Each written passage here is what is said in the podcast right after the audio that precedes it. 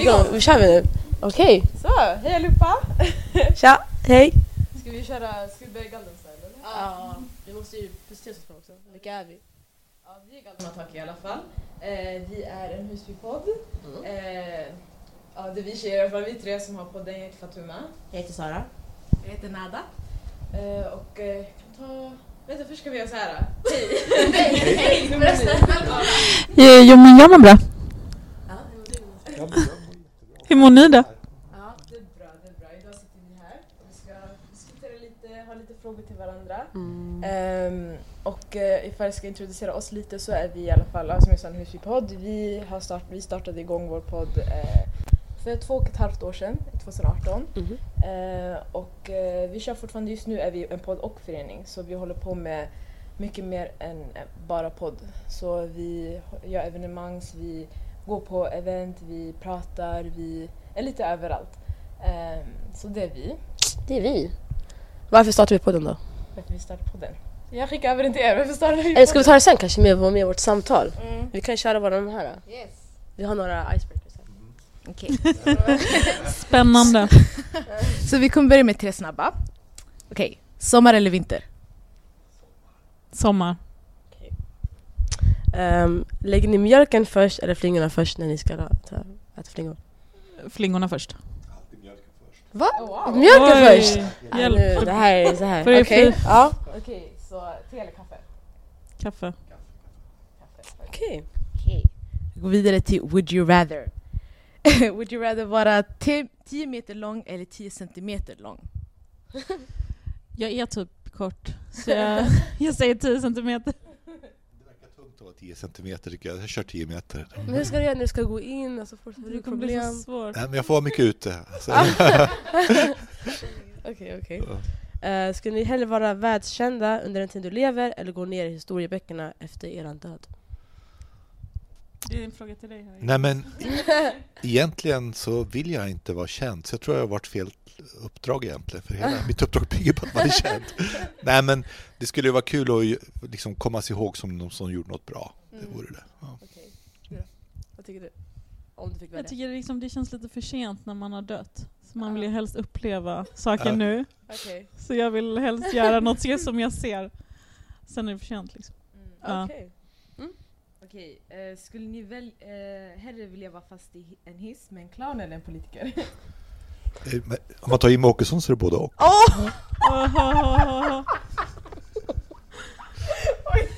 The shade. Ja, verkligen. Vi har Okej. te så det räcker till alla här. Okej, ja. Då så, då var det bra icebreaker i alla Ja. fall. Ja. Okej, så bara en sån här basic question. Typ. Hur kom ni in i politiken? Eh, nej men alla andra i min klass, jag var ju typ 14 när jag gick med i Ung Vänster, som är Mm. Vänsterpartiets ungdomsförbund. Alla andra var med, så jag gick också med. Mm. Jag var typ 13 och gick på högstadiet och vi startade elevkår. Mm. Och skolan var ju ännu mer man säger, gammaldags på den tiden. Mm. Så vi började liksom organisera oss för att få lite mer att säga till om och något vettigt att göra med uppehållsrum och grejer och sådär. Mm. Och ja, sen gick jag med i ungdomsförbundet också. Det var ganska naturligt att vara vänster. Mm. Ja. Sen var det, hände det mycket i världen. Mm. Det här var ju 70-talet. Mm. Så att jag, jag minns, jag var ju ännu mindre då, men jag följde som typ Vietnamkriget och Mm. faktiskt också när de kolonier gjorde sig fria i Afrika, Angola och sådana grejer. Mm. Och det var som självklart vilken sida man stod på bara. Ja. Det går lite in i vår nästa fråga. Eh, varför just Vänsterpartiet? Ja, men ja, alla var ju med. Så att, eh, nej men eh, det var ju, vi pratade mycket, det här var typ slutet av 90-talet, så det var mycket prat om feminism. Och eh, tidningar och radio och så var fulla av eh, unga tjejer som man gärna såg upp till. Som sa bra saker om hur det kändes att vara tjej och eh, de här orättvisorna som man kan känna som ung tjej och som går på högstadiet. Ehm, att man eh, blir så här, det är viktigare för en tjej hur man ser ut. För killar är det inte lika viktigt. Eh, jag var ju en tjej som sportade väldigt mycket och då var man liksom annorlunda. Eh, ja, det var mycket de satte eh, liksom tycker jag, sa, som jag också kände. Och, där, och Ung Vänster var ju det ungdomsförbund som pratade mest om feminism och eh, man, eh, alla politiska frågor handlade ju mycket om så här, eh, kvinnor får lägre löner när de kommer ut på arbetsmarknaden, kvinnor är diskriminerade, kvinnor är väldigt så här, sexualiserade, är så här, kroppar medan män ska, är tänkare och ska tänka ut intressanta åsikter. Eh, allt det där tyckte jag var så himla bra och viktigt sagt och satte så här, verkligen en känsla för mig som var anledningen till att jag gick med just i vänstern. Mm. Ja, men för mig var det mycket att jag börjar se hur ojämlik och orättvis världen faktiskt är. Hur otroligt olika man växer upp, eh, vad olika saker man får med sig hemifrån, hur en del bara tar för givet att man räknas, att man har makt och man är viktig och det man säger, det bara lyser om hela deras person. Medan andra liksom växer upp med att man, eh, ja, man är lite i underläge på något sätt. Och det där gäller ju här i Sverige också. Trots att vi är ett hyggligare samhälle än många andra samhällen så är det verkligen så. Och jag tycker att man väl har börjat se det, hur mycket makt som är inbyggt i det där, hur mycket självförtroende och så, så går det inte att blunda för det längre. Och enda sättet då har jag kommit på som jag liksom kan hantera det, det är att vara aktiv. Jag, jag, vill inte gå omkring bara och tycka att det där är, så där vill jag inte att det är, utan det är när man organiserar sig med andra som man känner att det går ju faktiskt att förändra det där. Ja. Jag tänker att um, vi, eftersom att vi bor här ute så vet vi i alla fall att Järva är ett väldigt föreningstätt område eh, där många personer eller boende engagerar sig i typ antingen ideella föreningar eller organisationer eller mobiliserar sig på olika sätt. Varför tror ni att det är så just här och varför civilsamhället engagerar sig ganska mycket här ute? Ska jag? Vi tänkte fråga er det, eftersom ni är här. ja, det är ni som vet. Så det är ni som vet. Men i och för sig, jag kommer ju också från ett område som är väldigt föreningstätt och så i uh, Botkyrka. Uh, så det, jag känner också till lite liksom. Men jag känner också, jag skulle säga för de som lyssnar på det här, som inte är från Stockholm, så är det precis som ni säger, att Husby är väldigt känt för att man håller ihop, uh, man protesterar också ganska mycket så Husby syns och hörs väldigt mycket i Stockholm. Så ni får gärna berätta hur ni lyckas med att organisera så mycket folk.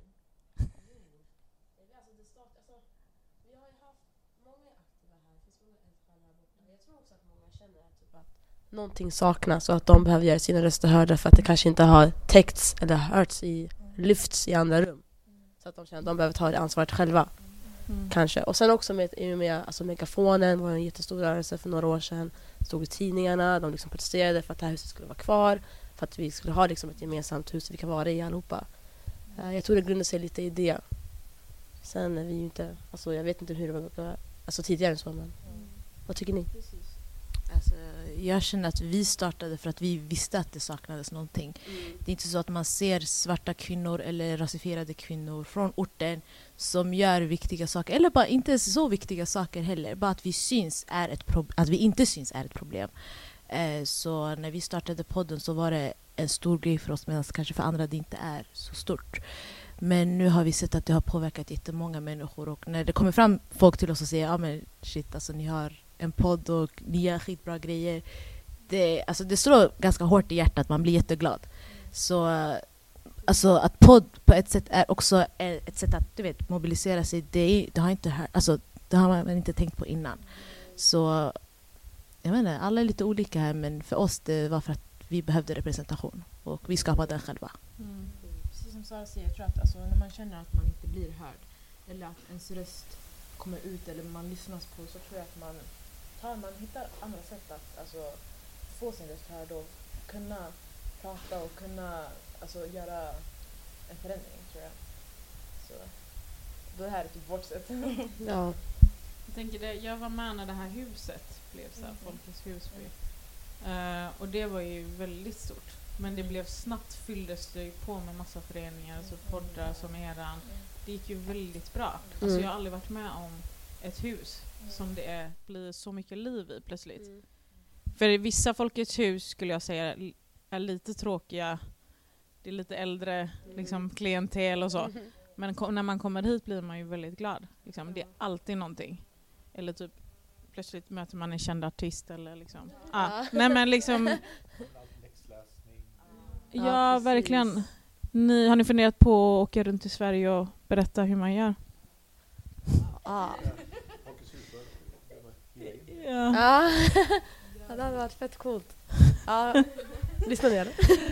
jo, varför inte? Alltså vi har ju varit, vi var ju med en annan förening som heter Second Chance i Malmö. När Mm. de skulle spela för en uh, fotbollscup som heter HUR. Ehm, där, där fick vi lite prata om oss själva, äh, prata, prata, kan jag prata, träffa dem, nätverka lite grann och så. Men ja, det där var ju i ett annat sammanhang då. Men ja, varför inte?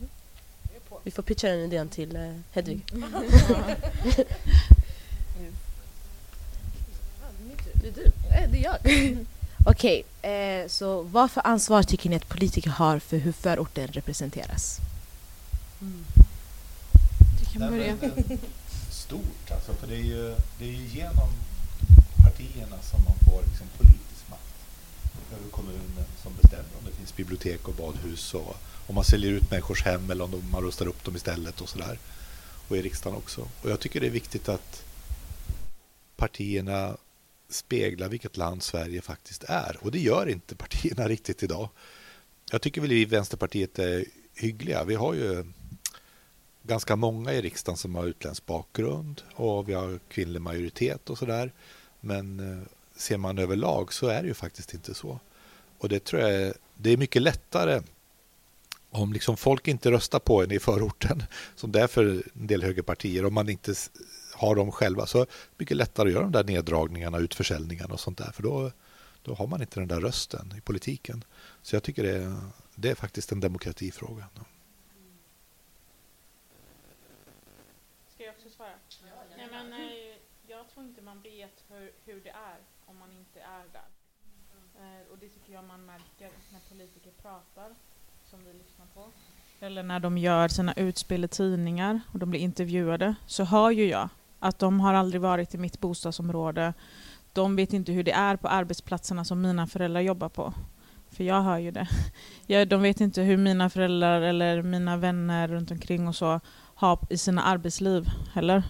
Så det där tycker jag är jätteviktigt. Att eh, människors upplevelser liksom, finns i politiken och inte bara en viss elit. Liksom. Jag tycker det händer någonting ganska farligt också. Det är att en del politiker har gjort till sin grej att hetsa mot en delar av förorten, mot vissa stadsdelar och sånt där. Och det bygger ju liksom på att man själv har fördomar och att man spelar på människors rädsla. Och jag tycker det, det, är, så, det är så otroligt oansvarigt och dåligt gjort. För liksom då eldar man på eh, motsättningar och fördomar istället. Jag tänker, eh, för om det var för något år sedan som alla de borgerliga partiledarna kom hit med 15 poliser runt sig, kommer jag ihåg. Och de gick in i bostadsområdet och så tänker man själv, här bor ju jag. Ja. Här kommer jag varje dag Mm. utan 15 poliser. Då, beskri- då, då sätter man ju sig själv i liksom, då låtsas man ju att man är, det här är något helt annat. Det är ett krigsfält det här. Eh, och det tycker jag det skapar så mycket eh, krig liksom, mellan människor att göra på det sättet och säga här, det här är något helt annat. Här kommer jag med en polis liksom. Fastän vanliga människor bor där. Liksom, så. Eh, Vad är det ni skyddar er ifrån? Ja, precis. Precis, verkligen. Då är det så här, skyddar ni er mot mig som bor här? Eller? Alltså, man undrar. Men jag tänker typ lite så här, hur kontrar ni mot det då? Så här, hur gör ni för att, så här, för nu, som sagt, det är ju många politiker som säger att Husby eller olika företag är liksom avvikande i samhället och att vi är på ett negativt sätt. Eh, som att vi inte är som alla andra, egentligen. Vi är också människor. Men hur, alltså, hur kontrar ni mot det? Alltså grejen är att våra politiska motståndare, de vill alltid koka ner det till att det beror på att det är många som har kommit till Sverige som bor i de här förorterna. Det är liksom det som är problemet, för ja. dem. Och för oss är det inte så. Utan det finns problem. Det kan till exempel vara att man inte har så mycket pengar att man eh, kan bo bra. Att folk är trångbodda. Det märker man ju också nu när det var den här smittspridningen och så. Att väldigt många har otrygga jobb så att man lätt kan förlora sin försörjning. Att eh, många, framförallt killar, misslyckas i skolan. Ja, det är ett jätteproblem. Eh, och, eh, det had, för mig handlar det där om, om, eh, om klass. Att, att eh, det, det är, Sverige är väldigt ojämlikt. Och det är det man ser i det här. Mm. Och det är också så att en stor del av de som får Sverige att rulla bor i de här stadsdelarna. Alltså svensk äldreomsorg och sjukvård och kollektivtrafik och Ja. gud vet vad hade Ja. kollapsat imorgon om inte här människorna hade liksom åkt in med bussen och tunnelbanan och gjort det här jobbet. För mig handlar det om att, Sverige, om att klasskillnaderna har ökat i Sverige. Och det ser man när man åker genom städerna, att det är på det sättet. Och därför pratar vi ju lite grann olika språk. Det är de, för mig är det liksom det som är problemet. Alla barn har rätt att gå i lika bra skola. Mm. Alla har lika rätt till en bra samhällsservice. Alla borde få ett sommarjobb. Precis, Eh, exakt. Eh, våra, varför ska just deras mormor och farfar ha så usla pensioner? För mig handlar det om sånt. Det, det, det är det som skiljer. va? Vad skulle ni då vilja införa eller ändra på eh, i förorterna som politiker rent konkret? Eh, nej men öka rättvisan i hela stan. Mm. Alltså skolorna måste bli mer satsade på. Det är väldigt stor, tycker jag, segregation också. Mm. mellan skolorna i Stockholm då till exempel. Att eh, vissa personer går i en skola och andra i andra. Eh, och det där skillnaden tycker jag bara växer och växer. Och det vi vill ändra på så att man kan mötas så här, mellan olika stadsdelar och så i skolorna. Men vi måste bygga många, många fler bostäder tycker jag. Och det som byggs idag, det ser ju jag eftersom jag stå, står i bostadskön och eh, faktiskt testade att söka. Då fick man ju fram eh, nyproducerade bostäder som är 15 000 kronor i månaden och så. Och det är ungefär vad man tjänar kanske i månaden i lön. Det är alldeles för dyrt. Så det måste ju byggas många fler bostäder. Eh, och sen att vi satsar ganska mycket så att människor får ett jobb.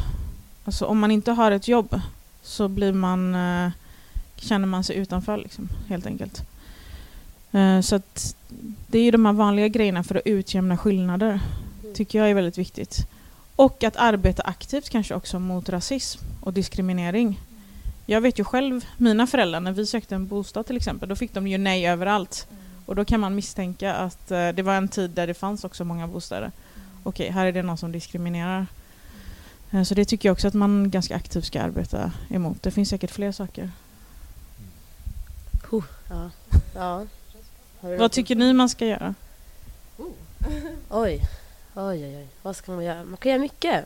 Man kan göra så mycket. Alltså, man kan bara så här, alltså bara för det första, det här med mediebevakningen över våra förorter. Alltså bara där kan man... För jag tror att många tänker inte kritiskt. Man läser liksom en eh, rubrik på Aftonbladet, Expressen, vad det nu kan vara. Eh, det här området är så här och därför ska vi införa det här. Så läser man typ bara texten, bara det här lilla, korta. Och sen har man liksom bildat sin åsikt om det. Och det gör alla. Det gör vi också säkert. Alltså, så här, oavsett vad man läser om. Men alltså, och så kommer det alltid vara. Jag tror inte det kommer ändras.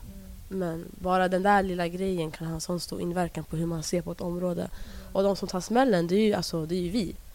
Och sen som jag sa innan, så här, att vi är ju ändå bara vanliga människor som bor här. Mm. Egentligen. Alltså, vi har våra jobb, vi, har, vi pluggar, vi driver den här podden eller här grejer. Och man lyfter inte ehm, allt som är bra här borta. Mm. Det är det som gör mig, Ja, det tar på mig jättemycket. Mm, och på så sätt så jag tror jag att vi står alltid till svars för allt som Mm. händer. Vi, alltså vi blir alltid ansiktet utåt. Även fast Precis. vi vill, egentligen så vill vi bara representera oss själva. För vi kan inte representera en hel, eh, en hel grupp av människor. Nej. Det enda vi kan representera är, alltså jag kan bara representera mig själv. Egentligen. Eh, så det blir typ att vi aldrig ses som individer utan vi ses alltid som en grupp. Eh, vilket är, tycker jag är synd i alla fall. Att man inte får, för ifall man gör ett misstag så, så går det över på andra människor. Eh, och det ska aldrig vara så. Utan mina misstag ska vara mina misstag och mina lyckanden ska vara mina lyckanden också. Shit, borde rista in det där i sten. Den sista meningen var jättefin. Bra sagt. Vad tycker du? Har du någonting eller? Nej. Nej. Jag vet inte, mer konkret, så här, praktiskt vad man, alltså, det är som du säger, bostäder, skolan, idrott, Ja. alltså aktiviteter, sådana Ja. grejer också. Precis. Alltså med resurser, alltså från kommuner. Men det känns alltid som att det aldrig finns tillräckligt med resurser för oss. Och typ så här, men, där finns det på andra ställen men inte för oss. Typ, så här, Mm. Och det stängs ner och massa grejer stängs ner hit och Exakt, dit. det är Och, alltid våra ungdomsgårdar har alltid problem och det är där vi har växt upp egentligen. Det är där vi har spenderat mycket av vår tid, alltså för mig i alla fall. Jag har, jag har växt upp på ungdomsgården. Så ifall den inte skulle ha funnits vet jag inte ifall jag skulle varit där jag är idag. mm. Och det, det är så jobbigt att också se att amen, alltså, ungdomsgårdar svartmålas när det egentligen gör det motsatta för oss.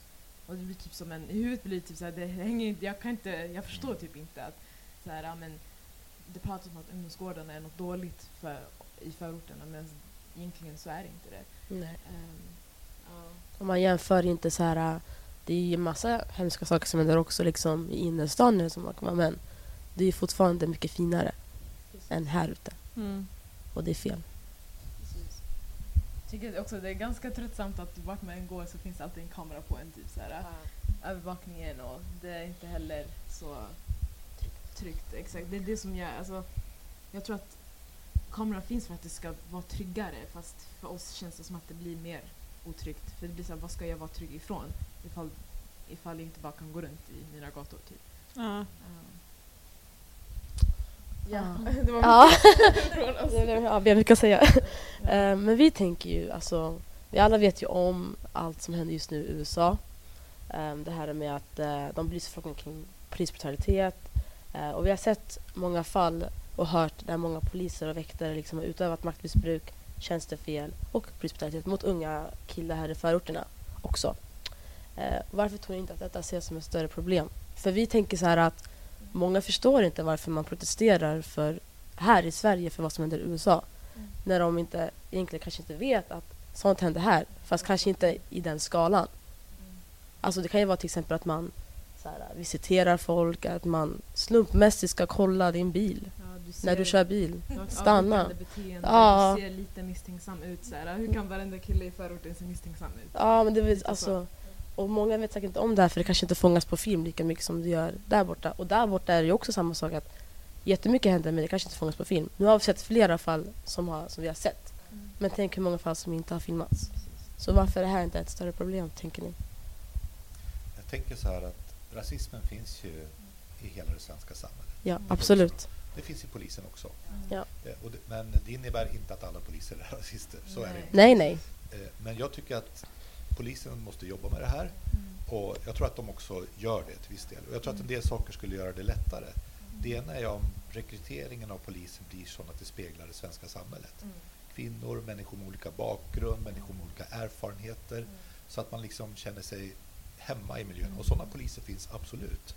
Som gör det. Och det andra är att polisen ska inte utreda brott som poliser har begått. Utan de ska utreda separat. Så att det blir liksom trovärdighet i det. Så att jag, jag tror att man kan göra saker bättre. För jag skulle vilja ha en polis som, liksom, som folk verkligen gillar. Jag skulle ha en polis som hänger med skolan, som pratar med socialtjänsten, som människor tjänar på, liksom hej, hej, hejar på. Som det är naturligt, som man känner att det, det är på min sida. Och det, det är liksom dit vi skulle vilja jobba med att polisen kommer. Och jag tror att ju mer utbildad polisen är, ju mer den speglar hur Sverige ser ut, ju mer de kan använda liksom tanke och tal istället för våld, ju mer kommer det att bli så också.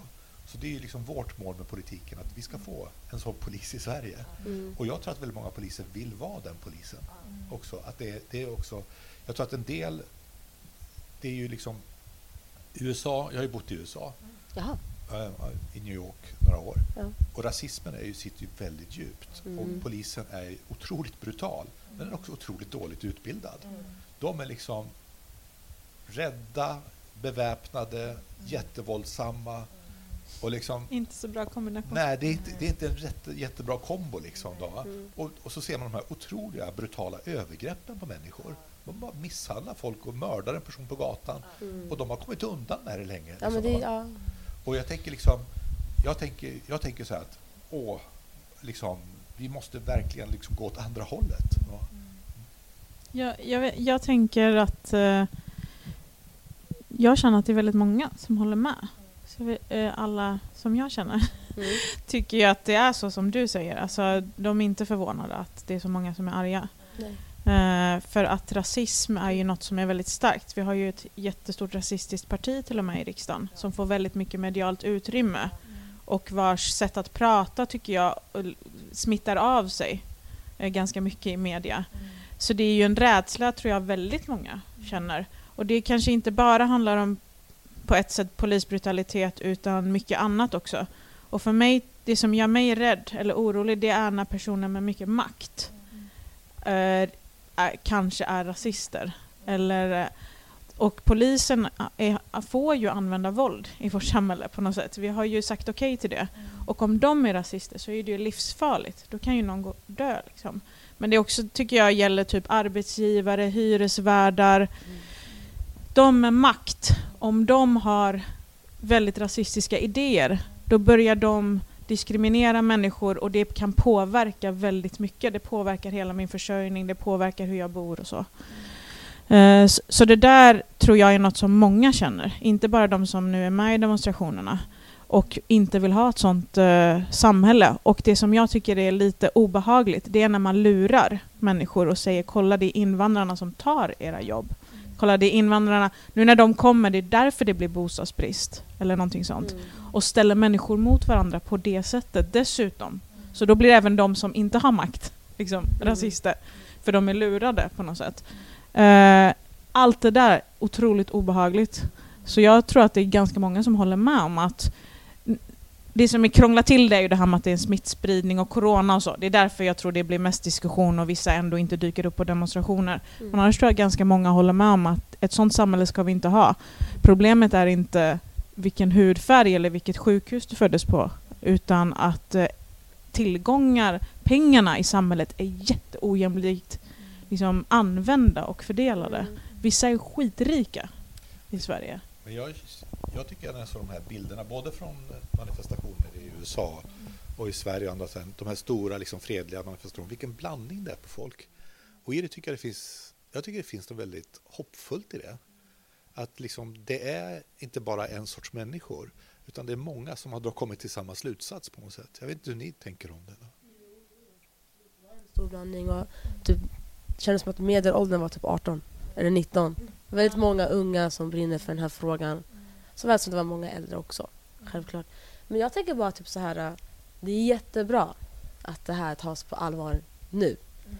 Men det har ju pågått hur länge som helst. Mm. Alltså Black Lives Matter-rörelsen startades ju 2013, tänker jag.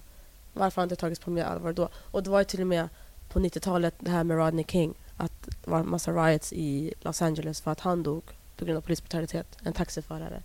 Så här, äh, jag är jätteglad över att det här tas på mer allvar men mm det har ju varit, det har tagit så lång tid. Mm. Och det kommer ta tid förrän det kanske händer förändringar i lagen, tänker jag. Nu händer det. Nu börjar folk vakna till. Nu börjar alla titta så här, okej, okay, det här är inte okej. Okay. Mm. Men sen kanske juridiskt sett kanske det tar ännu längre tid. Mm. Då har man massa år på det som saker kan hända ändå, tänker jag. Mm.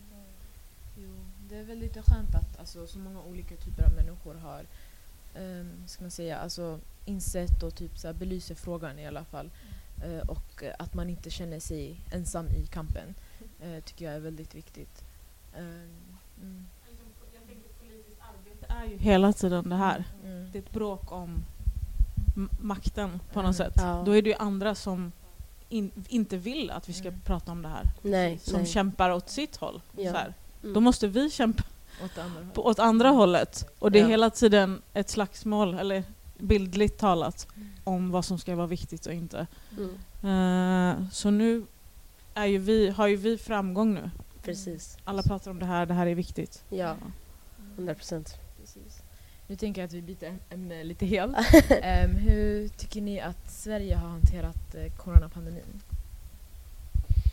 Så jag tycker att det finns två grejer som jag tycker vi har misslyckats med. Mm. Det ena är ju att det har dött så många.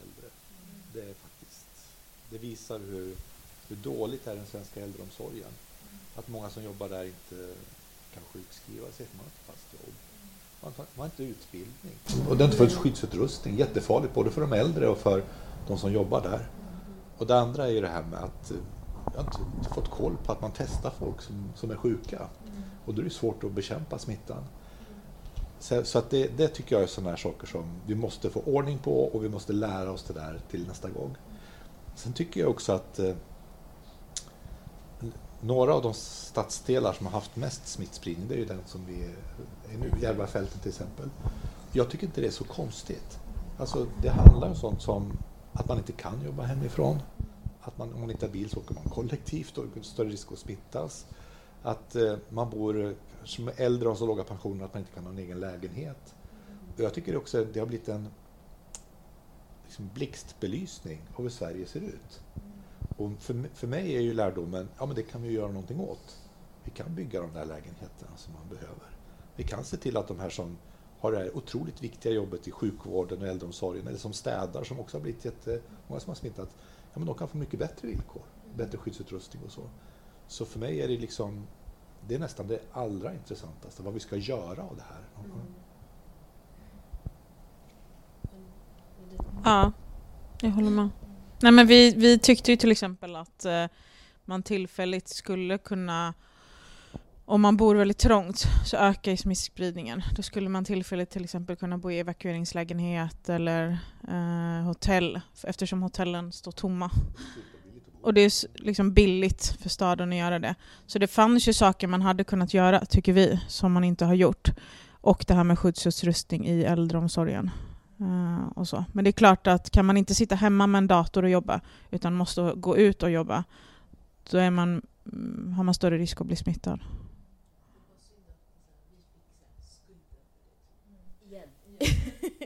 det är mycket som kommer hit. Alltså. Det, mm. jag blir så jag blir ganska förbannad när jag läste ja. någon artikel där man liksom man giggade runt i det. Mm. Det var det liksom igen. Mm. Liksom fel på de som bodde trångt och har låga inkomster och sånt där. Mm. Jag tycker det är så otroligt fräckt alltså, mm. när människor blir sjuka. Mm. Eh, när det, det är helt uppenbart vad det beror på. Ja, för alltså det är ju hade det inte varit så många människor här ute så hade ju den här pandemin varit mycket värre än vad den mm. ser ut som var nu. Mm. jag. Uh, men hur, kommer man, alltså, hur går vi tillbaka då? Alltså, hur lång tid kommer det ta för Sverige eller hela världen kanske att gå tillbaka till sin sitt vanliga mönster? Har du svar på det Jonas? vi, vet, inte. Det kan finnas ett vaccin nästa år och mm. kanske kan börja massvaccinera folk och det blir jättebra. Mm. Och vi kan vaccinera alla i riskgruppen så att de kan vara ute igen. Mm. Men eh, det här kommer att ta minst många månader, mm. kanske år. Mm. Och jag tror inte att alla saker kommer att bli som förut. Nej. En del saker kommer att ändras av det här. Men det viktiga nu tycker jag det är att det ändras till det bättre. Ja. Att vi lär oss av det här. Liksom. Och det jag tycker mm. ändå är någonting fint, mm. dels är det att människor faktiskt hjälper varandra. Människor ja. hjälper varandra jättemycket. Mm. Och, liksom, och det andra är att plötsligt så ser man alla de här lågavlönade kvinnorna. Mm. Att de inte, alltså, om inte det funkar, om inte det funkar i sjukvården och äldreomsorgen, ja, du, du kan tycka vad du vill, liksom, ha fint jobb och vara känd och sådär. Va? Men det är de som bär vårt samhälle just nu. Mm. Och när man såg den här listan på liksom samhällsviktiga yrken som kom ut, det var ju liksom inte så att det var massa börsmäklare och grejer på den listan. Utan det var liksom folk som städar och som kör buss och som tar hand om våra äldre och liksom, ja, Eh, poliser och allt möjligt annat också. Och på något sätt tycker jag det, ja men tydligen är det så att det är de som är viktigast när det är kris. Det är de som bär samhället när det är kris. Kom ihåg det när det är löneförhandling också. Högre lön. Ni förtjänar det. Mm. Ja, 100%. Okej, okay, så vi går vidare från coronapandemin och eh, jag vill bara kolla med er så här, vad driver er framåt och vad motiverar er att fortsätta utveckla ert parti och Sverige? Eh, att förbättra för människor mm. så att man får ett bättre liv, mm. Eh, tänker jag. Och eh, att alla får det, inte mm. bara några. Mm. Jag blir ganska ledsen när jag ser att eh, för några går det jättebra, de har hur mycket pengar som helst. Inte för att de gör så mycket mer, utan för mm. att de föddes i rätt familj. Eh, och alla andra jobbar jättemycket. Jag tänker bara eh, typ på min egen eh, pappa eller mamma. De jobbar ihjäl sig, jättelåg lön. Jobbade nog mer än den som är miljonär i Stockholm. Mm. Den, det är en orättvisa där som jag vill jämna ut på något sätt. Och så att fler kan få det bättre och känna sig så fria i livet. Mm. Fria att flytta vad de vill, att jobba med vad de vill. Mm. Må, vi behö, alla människor behövs på något sätt i ett mm. samhälle för att det ska fungera. Precis som det här med corona som Jonas pratar om. Både mm. städaren och läkaren behövs på det här sjukhuset. Ja. Kanske behöver de, städaren ha typ högre lön. De borde jämnas ut lite mer. För att mm. båda behövs egentligen. Annars blir folk sjuka. Mm. Om någon av dem är borta. Så att eh, någonstans där tror jag är ett bättre samhälle. Jag tänker på, det pratades mycket om Olof Palme typ igår. Ah. Han är någon slags sån här typ när jag gick med, så var ju anledningen till att man gick med var ju mycket liksom hur man såg att Olof Palme pratade om Sverige, vilket land det skulle vara. Mm. Eh, och det där tycker jag det är, så här, det är ett bra land där människor är jämlika och känner igen sig i varandra och kan känna så här, Mm. gemenskap med varandra. Mm. Jag tänker att eh, vanligt folk kan bara förändra saker tillsammans. Mm. Om man liksom gör det ihop. Eh, möjligtvis kan några få som har jättemycket rikedom för- förändra saker själva, men vi, Mm. andra kan inte göra vi kan, Och hela historien är full av människor som förändrar saker tillsammans. Mm. Nästan allt som är bra är uppbyggt av människor som gör saker tillsammans. Mm. Så jag tycker det är, det är otroligt, det är, det är så vi gör, det är meningsfullt. Man träffar massa sköna människor på vägen och sådär. Jag tycker de, de finaste ögonblicken, det är när man märker att det får resultat. Förra, före förra valet så var ju vi med och gjorde statsbudgeten och vi gjorde ju massa reformer. Man skulle by, börja bygga mer billiga lägenheter, ha fler anställda i äldreomsorgen och vi jobbar jättemycket mot barnfattigdom och så. Eh, och fick igenom massa sånt där sommarlovsaktiviteter, busskort, gratis glasögon, fria mediciner. Mm. Liksom. Och det kostar inte jättemycket pengar. Men så plötsligt får man, så kommer det, jag kommer ihåg när jag var i Östergötland och så kom en kille och visade sitt busskort och sa det här, det gjorde hela min sommar. Ja, det, jätte, Det gjorde det faktiskt. Eh, Eller när någon skriver så att jag är ensamstående morsa och nu, nu har ni höjt mitt underhållsstöd så jag har bättre ekonomi. Mina unga får glasögon, mitt barn är sjukt och nu får de medicin. Det här gör sån skillnad. Och då känner man så här, det här är värt. Det här är värt allting. Ja. Mm. Okej, eh, slutligen, som eh, politiker så driver man ju sina hjärtefrågor som ni nu har belyst. Eh, vilket vi antar kan vara påfrestande. Eh, hur gör ni för att, vi antar bara det, kanske inte är det. Mm. hur gör ni för att koppla av och bara ladda era batterier? Får ni berätta era tips och trick för de som ska bli politiker i framtiden. Jag eh, kollar på så matprogram. Mästerkocken, Ja, Mm. Sveriges yngsta mästerkock. Ja, det var så sant. Ja, jag vet. Jag kör mer romantiska komedier. Ja, ja. Romcoms. Ja. Vilken är din favorit? Och det är en sydkoreansk som heter Crash Landing on You. Som Crash är, ja, den, det är en eh, sydkoreansk miljardärsdotter som ska göra sån här paragliding, vet man åker. Ja. Och så kommer det en tromb, alltså en virvelvind. Och så dras hon iväg och kraschlandar i huvudet på en nordkoreansk eh, kapten vid gränstruppen. och så börjar en historia som är jättebra tycker jag. Den är megastor i, ja, den är, den är jättestor i Asien. Jag, ja, det gillar man romcoms så är det bra. Ja. Ni hörde det här först. Lyssna, kolla för det där. Ja. Yes. Ja, det var allt vi hade att säga i alla fall. Har ni några frågor? Är det vi som har frågor till er? Ja. Om ni har några får ni gärna ställa dem. Ja. Kändes som att vi ställde lite frågor till varandra. Ja. Och, Ja, det har ju flyttat på lite. Ja, innan eller? ja, precis. Så jag har fått lite svar på mina frågor. Mm. Vilken fråga engagerar er mest just nu? Jag har ju lyssnat på er podd Mm. och eh, har sett att ni pratar ju mycket om så här politiska, dagsaktuella frågor. Eh, vad är viktigast just nu? Vem vill ta det? Alltså, vår grund har alltid varit representation. Och det känns som att vad som än händer i världen så kommer det alltid tillbaka till det. Mm. Att vi behöver olika typer av människor i alla plattformar. Eh, som syns och hörs och vi får ta del av deras erfarenheter. Mm. Eh, så för mig är det representation. Jag vet inte om det är samma för er. Representation alltså typ i samhället Ja, och precis. politiken. Och... Överallt. Mm. Alltså alla jobb, alla plattformar, tv, media. Poddvärlden. ja, vi ska bli. Sveriges största podd en dag. och då vill vi att unga tjejer som ser ut som oss Mm. eller har växt upp i samma ort som oss ska se och bara, jag ska också kunna göra det där. Vad- Vilka är era Mm. förebilder då? Oh. Wow. Alltså för mig har det i alla fall varit våra, våra äldre som finns här ute som har typ banat vägen för oss. Eh, för de, de har typ visat oss alltså vad och hur vi kan göra det vi vill göra. Typ så här, och de har typ så här, gett oss råd, typ så här, pushat oss framåt och trott på oss. Och, och eh, jag vet inte ifall det skulle varit samma sak typ utan dem. Så jag är jättetacksam för att vi har, typ, vi har några som har drivit kampen innan oss. Eh, så för mig. Har ni några personer som är förebilder? Alltså sådär kända personer Oh. också? Eller är det mer den generationen före här? Mm. De som jobbar i ungdomsgården, alltså Ja. rektorn, Neffel, Daniel, ehm, alla som jobbar här, Ja. Eileen, Hedvig, alltså, ja ni måste kolla nu. Ja, ja. Nej men alla som vi har mött på på vägen och verkligen så här pushat oss Mm. eh, och visat att vi kan. Mm. Eh, jag tror du har gjort det med inverkan på oss. Selwa som jobbade för ABF, hon visade oss studion för första gången. Mm. Och, så här, det har bara upp, de har bara öppnat så många dörrar för oss som vi inte ens visste fanns. Mm. Eh, men jag tror också våra så här, föräldrar, våra vänner, Mm.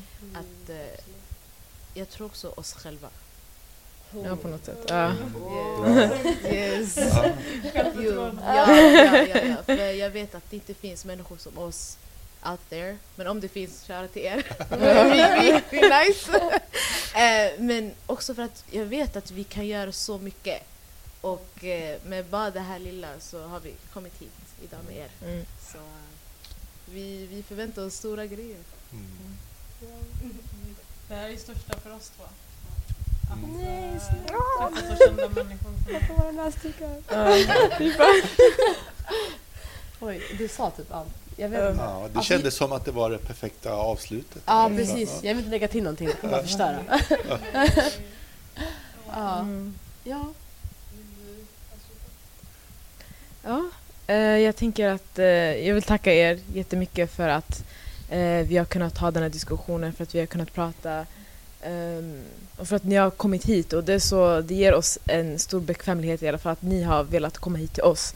Eh, för det känns som att det inte alltid är så. Ehm, och eh, ja, vi är tacksamma för att vi har fått den här möjligheten i alla fall. Så kunna prata med er, ha en diskussion eh, och så. Ja. Ja. ja, det kändes jättenaturligt. Det, känns som att ni bryr er då.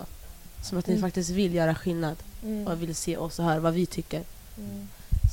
Och det är lätt att bli lite bortglömd eller att man känner sig bortglömd eh, av så här högre makter i alla fall i samhället eh, när man, när man inte hörs eller syns. Men när man väl får sådana här chanser och när man ser sig själv tror jag eh, i sådana här rum så får man en push framåt tror jag.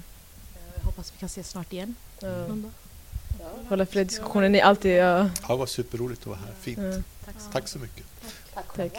Snälla då. Vi brukar avsluta med att säga våra namn och sen säga att vi är Galdematak. För alla är Galdematak. Alla är Galdematak. Så jag kan börja. Ja. Denada. Det här är Sara. Det här är Fatuma. Det är Jonas. Det är Nooshi. Och vi är Galdematak! Y'all them a talk about me. Right now me name Slinker Road, but me name not call up on no wrong thing, and me name not call up on no bad thing. The y'all them a talk about me. Me reputation Slinker Road.